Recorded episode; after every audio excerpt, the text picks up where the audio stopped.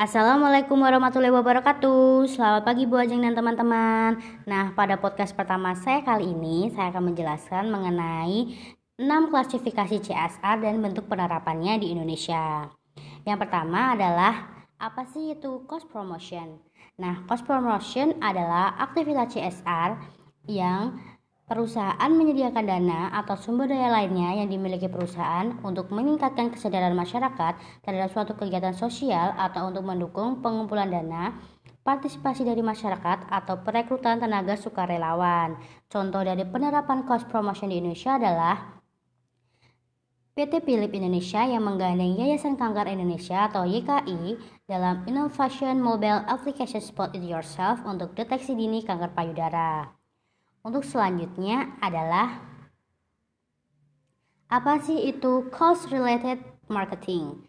Nah, kegiatan perusahaan menyatakan bahwa sebagian dari keuntungan atau penjualan produknya akan disumbangkan untuk kegiatan sosial tertentu, maka perusahaan tersebut dapat dikatakan sedang melakukan cost marketing atau CRM. Nah, untuk penerapan CRM di Indonesia adalah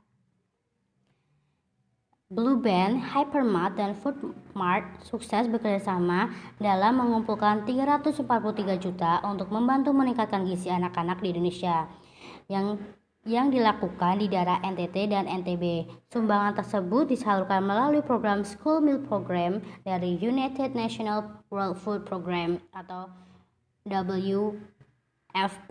Donasi yang diberikan adalah hasil dari penjualan produk Blue Band 200 gram yang dijual di seluruh gerai Hypermart dan Foodmart di seluruh Indonesia pada periode Mei sampai Juni 2010. Yang ketiga adalah Corporate Societal Marketing. Nah, pada kegiatan CSR ini, perusahaan mengembangkan dan melaksanakan kegiatan kampanye untuk mengubah perilaku masyarakat dengan tujuan meningkatkan kesehatan dan keselamatan publik, menjaga kelestarian lingkungan hidup, serta meningkatkan kesejahteraan masyarakat. Penerapan dari program ini adalah adalah produk antiseptik Dettol dan Hypermart Carrefour bersinergi dalam perayaan Hari Cuci Tangan Pakai Sabun Sedunia. Kampanye ini untuk menyebarkan kesadaran masyarakat terhadap kebersihan tangan dan kebiasaan mencuci tangan. Untuk yang keempat adalah Kegiatan filantropi perusahaan atau corporate filantropi. Pada aktivitas CSR ini, perusahaan memberikan sumbangan langsung dalam bentuk dirma untuk kalangan masyarakat tertentu. Sumbangan tersebut biasanya berbentuk pemberian uang secara tunai atau bingkisan secara cuma-cuma. Contoh dari penerapan CSR ini adalah pemberian bantuan kepada korban bencana alam yang selanjutnya adalah pekerja sosial kemasyarakatan sukarela atau community volunteer. Kegiatan ini merupakan aktivitas sosial perusahaan untuk mendukung mendorong karyawan rekan pedagang secara eceran atau pemesan franchise agar mengisikan waktu mereka secara guna untuk membangun organisasi-organisasi masyarakat lokal maupun masyarakat menjadi sasaran program. Contohnya adalah PT Bank Permata atau Permata Bank mengumpulkan dana sebesar 500 juta untuk pelaksanaan program dan bisnis untuk mengembangkan pendidikan anak-anak dan remaja di Indonesia.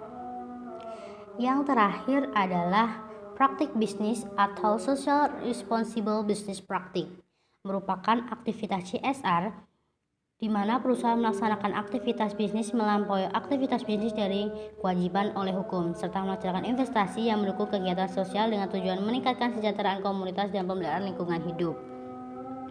Contoh dari penerapan CSR ini adalah responsible business practice yang dilakukan oleh Bank Bank OCBC and ISB dan OCBC Bank Singapura melakukan penanaman 10.000 bibit mangrove di Pulau Karya, Jakarta.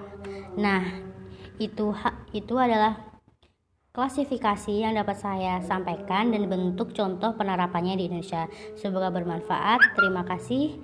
Saya Sari NIM 181070338 mengucapkan terima kasih dan undur diri. Wassalamualaikum warahmatullahi wabarakatuh.